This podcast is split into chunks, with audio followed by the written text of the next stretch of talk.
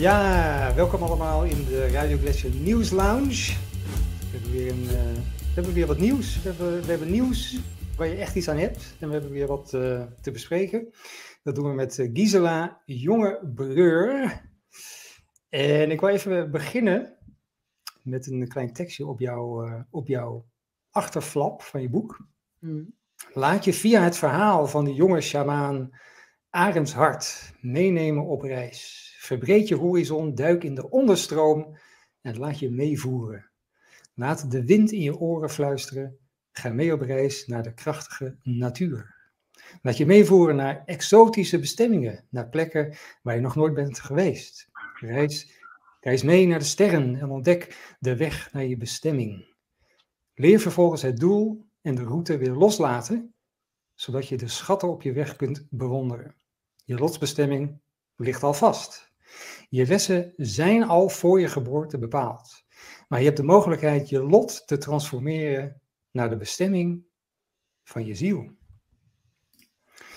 Dit komt allemaal uit het boek Hoe de maan ruikt en het orgasme van de sterren. Daar gaan wij het over hebben vandaag. Ook naast mij natuurlijk uh, de onvermijdelijke Niels Lunsing. Ja, daar ben ik weer. Hallo. Maar goed, dat is wel een hele, hele interessante titel, uh, Gisela. Want uh, ik denk dat dat heel veel mensen wel uh, nieuwsgierig maakt. Ja, en sommige mensen houdt het ook tegen om het te kopen. Omdat die denken, oeh, dat ga ik niet op mijn nachtkastje leggen. Ah, misschien op je nachtkastje, maar niet in de, woonkamer. Nee. Niet als cadeautje. Nee, oh ja, zo. Ja, en, en ik, ja, ik kan me voorstellen dat uh, zoiets komt niet uit de lucht vallen. Want hoe, hoe is het bij jou begonnen dat je een boek bent gaan schrijven? Ja, een ehm, soort kinderdroom uiteindelijk. Uh, ik heb altijd al zoiets gehad nou, met heel veel mensen volgens mij. Van uh, ooit schrijf ik een boek. Dat uh, idee had ik als kind. En toen ik op enig moment na een reorganisatie waarin ik mee heb mogen helpen reorganiseren. mezelf ook weg had, mee had weggereorganiseerd. En nou, even de tijd aan mezelf had dacht ik, uh, wat had ik nog op mijn lijstje staan? Dat was uh, een boek schrijven bij de ME, maar daar was ik iets te oud voor inmiddels. En, uh, en interim management. Dus eigenlijk ben ik daar gestart van in de afwisseling tussen schrijven en interim management. waardoor ik wat meer ruimte kreeg door interim klussen. kon ik in de tussentijd schrijven. Oké. Waar, waar, gaat het boek over?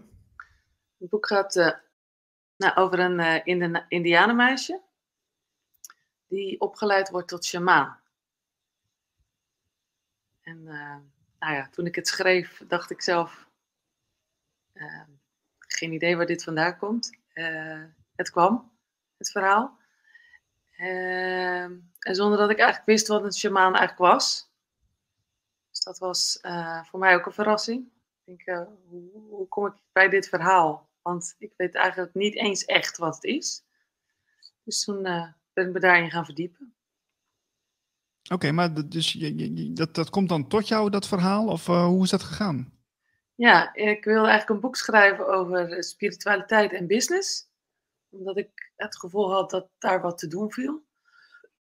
Dat eigenlijk wat meer, zeg maar, het, um, ja, het spirituele wat meer in het... Uh, ja, in, de, in de normaliteit. Hè? Veel mensen vinden het zweverig en uh, ingewikkeld en vaag. En, uh, ja, niet van deze wereld. Dus ik had zoiets van, ja, volgens mij zijn er heel veel mensen toch wel stiekem mee bezig. Met name vrouwen. voor mannen is het nog wat ingewikkelder, heb ik, begreep ik. Oh, waarom dan? Ja, omdat het daarvoor vaak nog wat ingewikkelder is om te benoemen dat ze met spiritualiteit bezig zijn. Zeker in, uh, in de werkcontext. oh, oké. Okay. Oh, ik zeg het altijd gelijk en dan uh, mag ik nergens meer bij zitten. nou ja, dat is. ja. Oké. Okay. Maar goed, dus, maar dat, dat verhaal. Ja, dus daar, ja, dus daar, dat viel jou binnen? Hè? Dat verhaal viel jou binnen, als het ware. Ja, nou eigenlijk wilde ik een boek schrijven over dus business en spiritualiteit. En, uh, maar ik had zoveel ideeën en over energie, hoe werkt energie. En uh, ik had heel veel ideeën en toen dacht ik, uh, als je een boek schrijft, dan moet je dat gestructureerd doen, zei iemand. is mij geleerd. En ik ben niet zo heel gestructureerd van nature. dus ik dacht, jeetje, hoe ga ik dat doen? Dus ik ben heel veel inhoudsopgaven gaan bedenken. Nou ja, wat er dan allemaal in moest. En toen dacht ik, ja, ik weet gewoon niet waar ik moet beginnen. Er zijn onderwerpen ook bij waar ik eigenlijk helemaal niet weet hoe het werkt, hoe het zit. Hoe, ja, ik wilde het praktisch maken. Dus dacht, nou, dan moet ik wel heel veel gaan lezen en, en me gaan verdiepen. En op een moment dacht ik, ja, ik voelde ook heel veel onrust. Ik denk, ik ga gewoon mediteren. En uh, nou ja, dan hoop ik dat, dat, uh, dat het dan lukt. En toen ben ik eigenlijk vanuit uh, daar ben ik, heb ik een methode gevonden waarin ik vrij makkelijk zelf kon mediteren. Ehm, en mijn rust kon vinden. En nou ja, ik stelde vragen en er kwamen antwoorden. En die antwoorden kwamen eigenlijk in de vorm van een verhaal. En dat was eigenlijk ook wel een les die ik uh, voor mezelf realiseerde dat dat eigenlijk altijd zo gaat met mij. Dat op het moment dat ik dat in mijn werk doe, heb ik dat hetzelfde. Dat ik denk, oh, ik heb een probleem. En dan denk ik, oh, hoe ga ik het oplossen? Wat is er aan de hand? En dan nou, ga ik naar huis, laat ik het weer los, vergeet ik het. En ineens is het antwoord er. Nou, zo ja, gebeurde dat hier eigenlijk ook. En soms in meditatie kwam een stuk een droom of beelden. En soms kwamen er ook gewoon teksten. En toen dacht ik, oh, wat verrassend. En uh, ja, ik was helemaal niet van plan natuurlijk om een verhaal te schrijven. Maar het werden elke keer verhalen. En ik snapte in eerste instantie ook niet zo goed wat die verhalen uh, nou als, hoe die als antwoord waren op mijn vragen. Maar gedurende uh, mijn zoektocht kwam ik erachter, oh eigenlijk geven deze, geeft dit verhaal eigenlijk antwoord op alle vragen die ik had. En maakt het het eigenlijk heel praktisch. In die zin dat het uiteindelijk gaat over liefde en over verbinding. En over, uh, nou ja, hoe ga je om? Hoe blijf je in je eigen energie? Wanneer raak, je het kwijt? Uh, hoe raak je het kwijt? Dat waren eigenlijk wel vragen die mij bezighielden, ook in mijn werk als manager en interim manager. Nou, hoe kan het zo zijn dat als ik dingen doe die ik leuk vind, dat het me toch soms energie kost? Ja, en, en, en, hoe had je, eh, doordat die verhalen, waren het er allemaal losse stukjes, kan ik me zo voorstellen, dat dat bij elkaar ja. hoorde? Ja, dat was uh, eigenlijk doordat ik met iemand in gesprek raakte en die, uh, een man, en die vertelde mij dat hij verschillende blogs had geschreven. En dat hij uiteindelijk zijn blogs had gebundeld. En toen dacht ik, oh, wacht even. Dat is het. Ik moet ze gewoon achter elkaar gaan zetten. En toen uh, dacht ik, oh, het is gewoon een verhaal. ja, dat is een soort verrassing. Oh, het is een verhaal. Nou ja, en dan er zaten ook allerlei gaten in het verhaal. Uh, waardoor ik het nog niet als een verhaal zag. Dus langzaam ben ik dat aan elkaar, ja, de volgorde uh, ging zichzelf wijzen eigenlijk vanuit, uh, vanuit mijn natuur. Dus ik had zoiets van, oh ja, weet je, de, de westerse wereld is heel erg gericht op, de, op het hoofd en op uh, het structureren via uh, nou ja, een methode die niet de mijne is. En die voor mij is veel meer op een natuurlijke manier. En dat realiseerde ik me toen ik dat boek ging, toen ik al die stukjes verhaal had. Toen ging ik puzzelen. En uh, nou, toen zei een vriendin nog tegen me: Je hoeft het ook niet in volgorde te doen. In een boek kan soms de volgorde ook anders zijn. Dan, oh ja, ook nog een idee. Dus nou ja, zo voelende weg heb ik het eigenlijk uh, een structuur gecreëerd die uh, het verhaal werd. Ja, want, ja, mensen kunnen dus ook wel geïnteresseerd raken omdat het woord orgasme er natuurlijk in zit. Dat, dat trekt ja. wel mensen. Maar ja. zit er ook veel seks in? Uh, nee, niet heel expliciet. Uh, sommige mensen beschrijven het wel als er, uh, erotisch of, of nou ja, dat het wel iets opwekt. Maar dat is meer, het is geen expliciete, het is geen roman over seks. Nee, nee oké. Okay. Niet. Ja. Nee. Oké. Okay. Nee, dus, ja. en het orgasme van de sterren gaat eigenlijk letterlijk over het orgasme van de sterren. Dat,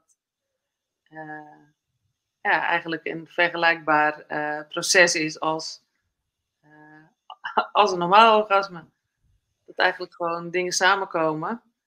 Uh, het mannelijke en het vrouwelijke in feite samenkomen en tot iets worden. En dat ja, kan okay. een kind zijn, en dat kan een verhaal zijn of een, een, een inspira inspiratie zijn. En ja, sterren hebben datzelfde proces. En eigenlijk alles wat gecreëerd wordt, ontstaat uit het mannelijke en het vrouwelijke, wat samenkomt. Dus een invalshoek die ik nog niet, uh, nog niet kende. Dat een, een, orgasme komt dus voort uit het mannelijke en het vrouwelijke dat samenkomt.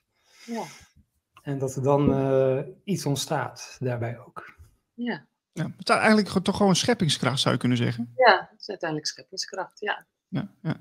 ja, nu had ik jou uh, al even gebeld uh, van tevoren, want we, ja, ja, we gaan natuurlijk een interview doen. En toen dachten we, nou, misschien is het wel leuk dat je een klein stukje voorleest. Ja. Dus je mag, ben je zelf vrij in wat je natuurlijk wil laten horen. Dus misschien een, een paar alinea's of zo. kijk maar even wat je fijn vindt. Ja, is goed. Ik heb een stukje. Ik moet alleen even worstelen met mijn microfoon. Maar dan ga je even kijken hoe dat lukt. Als het te lang wordt, dan grijpen jullie in, hè? Ja hoor. Ik wil hier niet zijn, maar ik wil ook niet daar zijn. In gedachten verzonken loop ik naar mijn huis in de stad.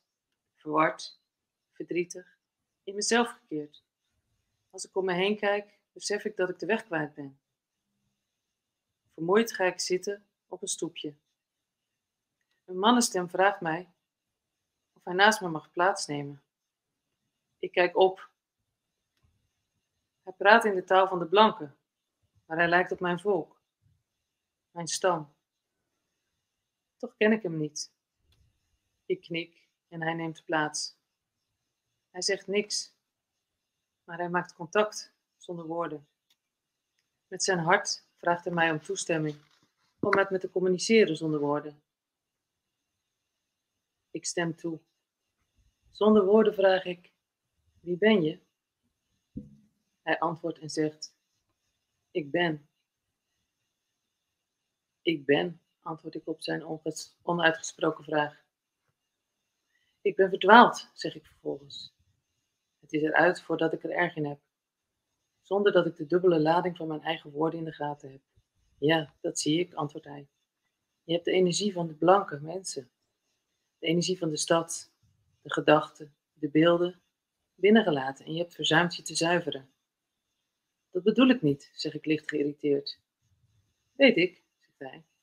Hij heeft gelijk. Ik zit vol met de energie van anderen. De beelden, de geluiden, de taal, de opdrachten die ik moet doen. Mijn hoofd is mistig, zeg ik.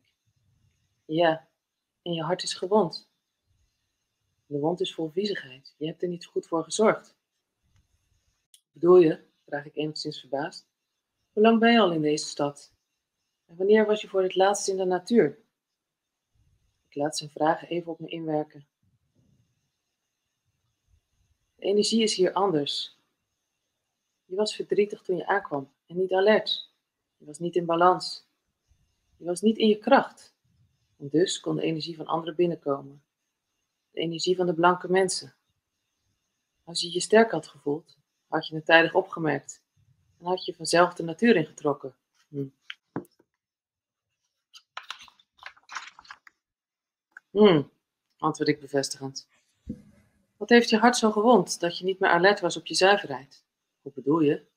Alert? En hoezo de natuur ingetrokken? Dit is waar ik nu woon? Schiet er geïrriteerd door mijn hoofd. Ik kon niet meer zijn waar ik vandaan kwam. Het deed te veel pijn. Ik moest weg. En nu woon ik hier. Hier is geen natuur. Dit is de stad. Dat snapt hij toch ook wel? Ik trek me terug in mijn huis. Maar het zuiveren kost me kracht. Ik doe echt mijn best, maar het lukt me niet. De pijn is te groot. Het verzwakt me. In mijn hoofd is het mistig. Mijn hart doet pijn. Mijn keel zit dicht. Ik kan niet praten. Waarom kun je niet terug? Waar is de vader? vraagt hij knikkend naar mijn buik. Hij is getrouwd met een andere vrouw. Hij is mijn halfbroer besef dat ik kort van stof ben, maar ik voel dat het oké is. Hij begrijpt ook wat ik niet zeg. Het huwelijk was al afgesproken. Hij deed wat de stamouders vroegen. Niemand weet dat ik zijn kind draag, ook hij niet. De dag van zijn huwelijk ben ik vertrokken. Ik, ben niemand, ik heb niemand iets gezegd. Ik kon het niet. Zelfs mijn vader heb ik niets gezegd. Hij zou mijn pijn zien. Zijn blik zou te intens voor me zijn. Hij is de eerste aan wie ik dit vertel. De blanken zouden me niet begrijpen. Ik had gezegd dat de vader er niet meer bij me was. wanneer ze ernaar vroegen. Ze dachten dat hij overleden was en vroegen niet verder. Ik vond het afschuwelijk. Maar ik liet het ze denken. De waarheid was te kwetsbaar. Ik zou gaan huilen bij vreemden. Dat mocht niet gebeuren. Ik begrijp het, zegt hij. Ik snap nu ook waarom je hart zo gekwetst is. En waarom de veiligheid in je mond is gekomen. Je hart stond volledig open door de liefde voor hem. Je liet het verdriet uiteindelijk toe om te zuiveren. Maar je stond zo open dat de energie van anderen ook binnenkwam. Je kon het niet dichtzetten. Ik weet dat je het geprobeerd hebt, maar het lukte niet. Oké, ik denk dat het wel, uh, dat het wel een mooi, mooi stuk is geweest. Uh, klinkt als een ontmoeting met, uh, met de westerse wereld, hè? Ja. Ontmoeting tussen de westerse en de Noord-Amerikaanse traditie. Ja. Is dat, uh, is dat ook een rode draad in het verhaal, de, de, die, die, die twee werelden? Um, ja, maar vooral de, de Indianencultuur. Zonder dat ik natuurlijk zelf die roots heb. Maar um, nou ja, dat uh, voelt wel heel dicht bij de natuur. Dus dit is eigenlijk de. Ik, ik denk dat wij in de westerse wereld erg ver uh, weg zijn geraakt van de natuur. En dat we veel kunnen leren van de manier waarop Indianen kijken naar, uh, nou, naar energie en naar uh, bewustzijnsontwikkeling. Ja, want je hebt natuurlijk, uh, je gaf aan dat je je, je aardig verdiept in de ja, in, in, in informatie over shamanen en zo. Wat, wat, is, wat, wat is het meest bijzondere wat je daar zelf uit geleerd hebt? Dat was eigenlijk allemaal bijzonder. Ik ben door, doordat ik uh, het verhaal geschreven had, of eigenlijk tijdens dat ik bezig was met het verhaal schrijven, ben ik op zoek gegaan naar dingen in informatie over shamanisme. En uiteindelijk kwam ik terecht bij de Indianen uit Peru. Ik ben overigens niet naar Peru geweest, maar de Peruanen kwamen naar Nederland. Oh, oké, okay, maar. Ja, speciaal voor alle Nederlandse mensen die nou ja, zich wilden laten opleiden door, door, de, door hun cultuur, door hun tradities. En daar ben ik eigenlijk in, in opleiding gegaan. En dat was een hele bijzondere ervaring. En nou, eigenlijk heeft het verhaal me op de een of andere manier geleid naar, naar die ontdekking van die wijsheid, die ik ergens wel geloofde dat daar heel veel wijsheid zat. Maar uh, kon het nu wat nou, leren te ontsluiten eigenlijk door de manier waarop zij hun kennis overdragen, onder andere ook door verhalen. Nou, dat lijkt me wel een heel bijzonder proces, want je bent tegelijkertijd ben je een boek aan het schrijven. Ja. En je wordt ook opgeleid door, de, door die cultuur. Dat is, uh, ja. dat, is, dat is een flinke uh, ervaring. Ja, dat was, een, dat was best intens. Het is niet van mietjes, zeg ik wel eens. Oh, Oké. Okay. Hoezo niet dan? Nou ja, omdat je uiteindelijk ja, door je eigen proces ook heen gaat. Het is het bewustwordingsproces. gaat niet over rozen, zeg ik, zeg ik maar ja, het, het is niet alleen maar. Ja, sommige mensen denken spiritualiteit alleen maar halleluja en de gloria. En leuk. Ja, alleen maar heel mooi is. En ik denk uiteindelijk dat je allemaal in dat, in dat proces van ontwikkeling ook allemaal stukken tegenkomt van jezelf, in jezelf. ja, die, die uitgewerkt worden, waardoor je op het diepere ja, diepere wijsheid of diepere inzicht in jezelf ook komt. Of, en ook uh, niet alleen in jezelf, maar ook in, in, nou, in, in hoe dingen werken. In hoe energie werkt. Ja, nou, onze zender de, is Radio Gletscher. We hebben als, als slogan ook hoger bewustzijn, diepere radio. Uh, maar um, wat. Uh, ik had even een vraag bedacht, die ben ik nou kwijt. Wat leuk. Um, oh ja, wat, wat is. Wat, wat is er nou zo spiritueel aan jouw boek? Dat was mijn vraag. Wat is er zo spiritueel aan? Ja, uh, nou, dat vind ik een lastige vraag. Um, ja, ik, weet je, ik denk uiteindelijk dat spiritualiteit niet zo. Uh, het wordt vaak groter gemaakt dan dat het is. In die zin dat het eigenlijk gewoon de natuur is. Dus ja, wat is er spiritueel? Ik denk dat het gewoon gaat over dat alles in de natuur eigenlijk op dezelfde manier werkt, of vergelijkbaar werkt. Kun je daar een voorbeeld van geven? Ehm, ja, nou ja, weet je, wij groeien net als een plant of een boom. En wij zijn ook, hebben ook nodig om geworteld te zijn, net als een boom of een plant. Alleen wij kunnen, onze wortels, die zijn wat minder diep of meer energetisch. Dus wij kunnen ons verplaatsen. Maar in de basis werken we hetzelfde. En, uh, Wat voor rol speelt de maan in jouw boek? Uh, de maan uh, speelt een rol als een uh, trekkende kracht die ehm, ja, eigenlijk als je je uh, verbindt, zeg ik maar even, hè, net zo goed als dat je je kan verbinden met, met mensen, kun je ook verbinden met de dingen om je heen. En waarnemen wat er, uh, ja, wat de dingen, de, de energie is van, nou ja, het kan een, een stoel, een boek, een, of een plant zijn. Maar ergens op het moment dat je die vraag stelt, dan, ja, dan kan je soms dingen voelen of ervaren of inzien of weten.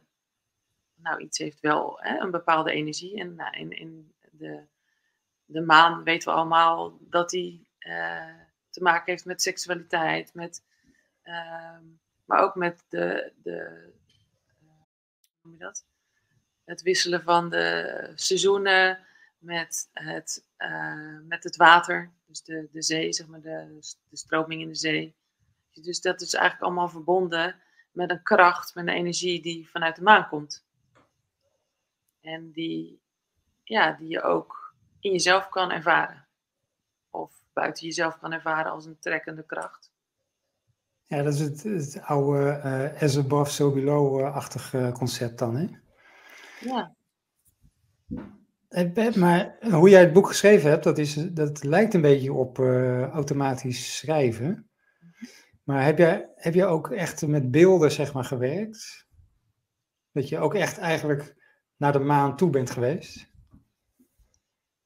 In het boek? Nou, tijdens het schrijven, als je, dat je een soort visie... Nee, maar als je, als je een soort, uh, soort remote viewing uh, doet of zo, dat je dan echt ja. uh, daar ja. bent. Ja, nou ja, wat er, in, wat er ook in zit, is bijvoorbeeld de connectie met krachtdieren. Zonder dat ik daar wist, ja, weet je, je weet wel wat krachtdieren zijn en je kan erover lezen. En dan staat er vaak een algemene beschrijving bij een bepaald dier. En ik merkte dat door me te verplaatsen in het dier, je eigenlijk heel veel te weten komt. En nou, dat gebeurt eigenlijk in meditatie. Uh, en een stukje natuurlijk ook door erover te lezen. Dus het is ook een combinatie van uh, dingen onderzoeken en wat er dan in je eigen creatieve, creatieve proces gebeurt. Uh, of noem het in de verbinding gebeurt daar ontstaan dingen. Dus ja, je wordt meegenomen in uh, Reis naar de Sterren, uh, wat, ook op de, wat je net voorlas. Uh, in De Vlucht van de Adelaar, in de, in de huid van de Jaguar. Dus hoe is het om daar te zijn en vanuit dat perspectief te, te ervaren. En dat, nou ja, daar kwam ik eigenlijk in de loop der tijd achter dat al voordat, nadat ik eigenlijk dingen had geschreven, dat dat ook zeg maar in de, in de Indianencultuur uh, onderdeel uitmaakt van de initiaties die, uh, die zij geven. Is, is, is het makkelijker om, uh, sinds je zeg maar bij de Peruvianen in de leren bent geweest, is het makkelijker om dan je te verplaatsen in een, in een, in een planeet of een dier of, of iets anders? Ja, um, ja weet je, het, het, begon eigenlijk al daarvoor. En het is wel, het is wel heel erg versterkt. Ja, dus, wat, wat, wat, wat doe je dan precies, als ik vraag maar? Het begon eigenlijk gewoon met mediteren en een vraag stellen. En, uh, en toen kwamen de beelden. En eh, wat ik deed is vervolgens dat ik dacht, ja, wat heeft dit beeld me te vertellen? Weet je, Dus eh, de vraag te stellen, wat wil je me vertellen? Of wat heeft dit wat ik zie me te vertellen? En naarmate je de vraag persoonlijk maakt, eh, van wat wil je me vertellen? eh, ja, ontstaat er eigenlijk een conversatie. Of ontstaat er een, eh, een inleven in. En dat ben ik gaan beschrijven. Van wat zie ik, wat voel ik, wat hoor ik. Mhm. Ja, misschien wel gewoon het proces van schrijven überhaupt. Ja. Het inleven in. Ja, maar wat ik ook wel interessant vind, die Indianen die, die, die, ja, die kijken ook heel erg naar hun voorvaderen en zo. En ik denk, nou ja, dat boek eh, wat eigenlijk tot jou gekomen is, eh, denk je dan zelf ook niet van, eh, ja, die Indianen die hebben iets met mij te maken? Ja, ja. Ik dacht, oké, wat heeft dit verhaal met mij te maken? Ben, eh, ben ik die hoofdpersoon? Dat kwam ook binnen in de ik-vorm. Ehm, en toen dacht ik, nou, dan schrijf ik het ook zo op. Dus toen ben ik me ook gaan verdiepen in de archetypes vanuit Jung en vanuit nou ja, eigenlijk allerlei manieren. En er ook op die manier naar gaan kijken. En eh, ik merkte wel dat het verhaal mij raakte. Dus toen dacht ik, ja, is dat dan omdat het over mij gaat? En tegelijkertijd eh, dacht ik, nou, ben ik het wat mensen gaan laten lezen, ook in het schrijfproces al. En ik merkte dat er meerdere mensen geraakt werden. Eh, dus toen dacht ik, ja, dan, dan gaat het niet zozeer over mij. Dit gaat over, ehm, ja, denk ik, over veel meer dan dat. En nou ja, dat merk ik steeds meer. Mensen die het, hè, nou ja, het zal niet voor iedereen gelden, want het, weet je, het trekt je aan of trekt je niet aan. En het spreekt je aan of het spreekt je niet aan. Maar ik heb steeds meer mensen die zeggen: Oh, het was alsof ik mezelf las. Het gaat over Oh, mij. En dat vind ik wel heel bijzonder. Ik dacht: Oh, wauw. Dat is wel gaaf zeg. Ja. Hey, en, eh, eh, eh, wat, wat heeft jij nou zo geraakt dan? Ehm, nou ja, de inzichten, de, ja, e- e- het is alsof, ja, dat is misschien ook wel, ehm, ja, ik weet ook niet hoe dat bij andere auteurs gaat, maar op het moment dat je meegenomen, weet je, gaat mee in die emotie, dus je gaat schrijven en die emotie komt als het ware door je heen. Dus het is niet alleen inderdaad het zien eh, eh, en het, soms komen de boodschappen, maar ook eh, ja, ben ik gewoon in die setting dan. Dus ik voel me daar aanwezig en ik voel Oh. dat, dat ik daar ben. En zo heb ik het eigenlijk ook proberen te verwoorden. Nou, en blijkbaar zijn er mensen die dat inderdaad op die manier ook oppikken. En die zeggen van, nou ja, dit, dit, nou ja wat ik terughoor inderdaad van, nou, het is, eh, het brengt de energie over die, eh, ja, van dat meisje of van, nou ja. Ja, dus je hebt de energie letterlijk eh, zelf ervaren, zou je kunnen zeggen. Ja, en dat is ook wat ik terughoor van verschillende mensen die dat ook zo ervaren. Andere mensen kijken er wat, hè, lezen het eh, wat meer van afstand. Dus die observeren wat ze lezen. En anderen die gaan erin en nou ja, zien zichzelf. Of ja, herkennen zichzelf. Dus het is eigenlijk een heel intuïtief boek dan, hè? Ja, Want je hebt ook je hebt de, ja, eh, de Celestijnse belofte en eh, Deepak Chopra doet het ook in een, in een soort verhaalvorm.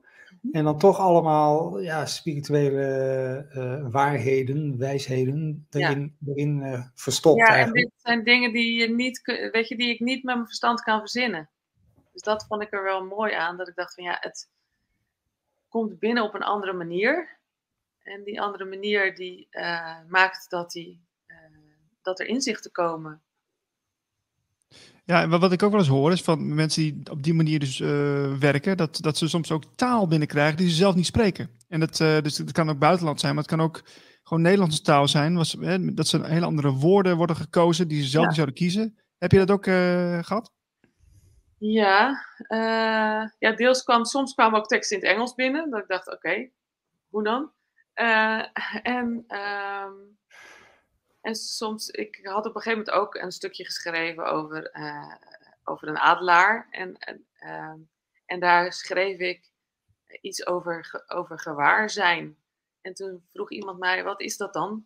Gewaar zijn. Toen dacht ik, weet ik veel. dus dat zou ik normaal ook helemaal niet opschrijven. Maar dat, dat kwam. En uh, hetzelfde eigenlijk een stukje wat ik net, net voorlas. Dat die persoon dan zegt, ik ben. En ik schreef het gewoon op. En, en, en later dacht ik, maar wat... Toen dacht ik, hé, hey, dit is ook gek. Dit is ook wat... Uh, nou, ik ben uh, ooit zeg maar opgevoed met christelijke... met, met de Bijbel, zeg maar. Toen dacht ik, oh, maar dat is toch ook iets van God, ik ben die ik ben. En het um, ik ben bewustzijn. En nou ja, dus die dingen kwamen later pas binnen. Dat ik dacht, oh, schijnbaar gaat het over iets wat ik eigenlijk nog niet, wat ik niet met woorden zou kunnen beschrijven. Alleen maar kan ervaren. Ja. Als de mensen naar deze podcast uh, kijken die uh, zijn geïnteresseerd, hoe kunnen ze jouw boek uh, bestellen? Dat kan via mijn website. dat is www.code1313.com. En ook bij alle boekwinkels, uh, digitale boekwinkels. Hoe noem je dat? Uh, online boekwinkels. Ja, en als mensen vragen hebben of ze een lezing voor jou, is dat ook mogelijk? Ja, dat is mogelijk. Hoe kunnen ze jou bereiken? via info.code1313.com. Oké. Okay. Nou, wat, is dat, voor, wat is dat voor code? Wat is dat voor code? Oh ja, wel interessant, ja. Wat is dat voor code? Ja, dat is afhankelijk van wie het vraagt, wat voor antwoord ik daarop geef. Maar uh, 13, 13, ja, uh, sommige mensen zeggen 13 is een, uh, een ongeluksgetal. En in de oude traditie is 13 de code van de schepping. En 13, 13, wat mij betreft, mannelijke en vrouwelijke, wat samenkomt in schepping. Ja, en het dubbele getallen natuurlijk. Ja. Ja, dus hij staat, en eigenlijk komt hij terug in heel veel verschillende tradities. Alleen op de een of andere manier is in, het, nou ja, in bepaalde culturen is die 13 als, uh, nou ja, als hekserij of uh, ongeluksgetal et cetera, uh, ontstaan. Nou, daar zijn ook allerlei, uh, allerlei mensen die zich daarin verdiept hebben. Dus ik heb daar wel over gelezen. Maar ik heb ervoor gekozen, ook dit kwam langs. Ik zag elke keer het getal 1313 uh, en toen dacht ik, oh, dat wordt mijn bedrijfsnaam, code 1313. En nou, het is een foutcode van een printermerk. Dus dat is eigenlijk ook wel leuk. Dat, ja, we hebben eigenlijk allemaal ook foutcodes. En ik ben ook altijd praktisch, ik ben ook coach en manager.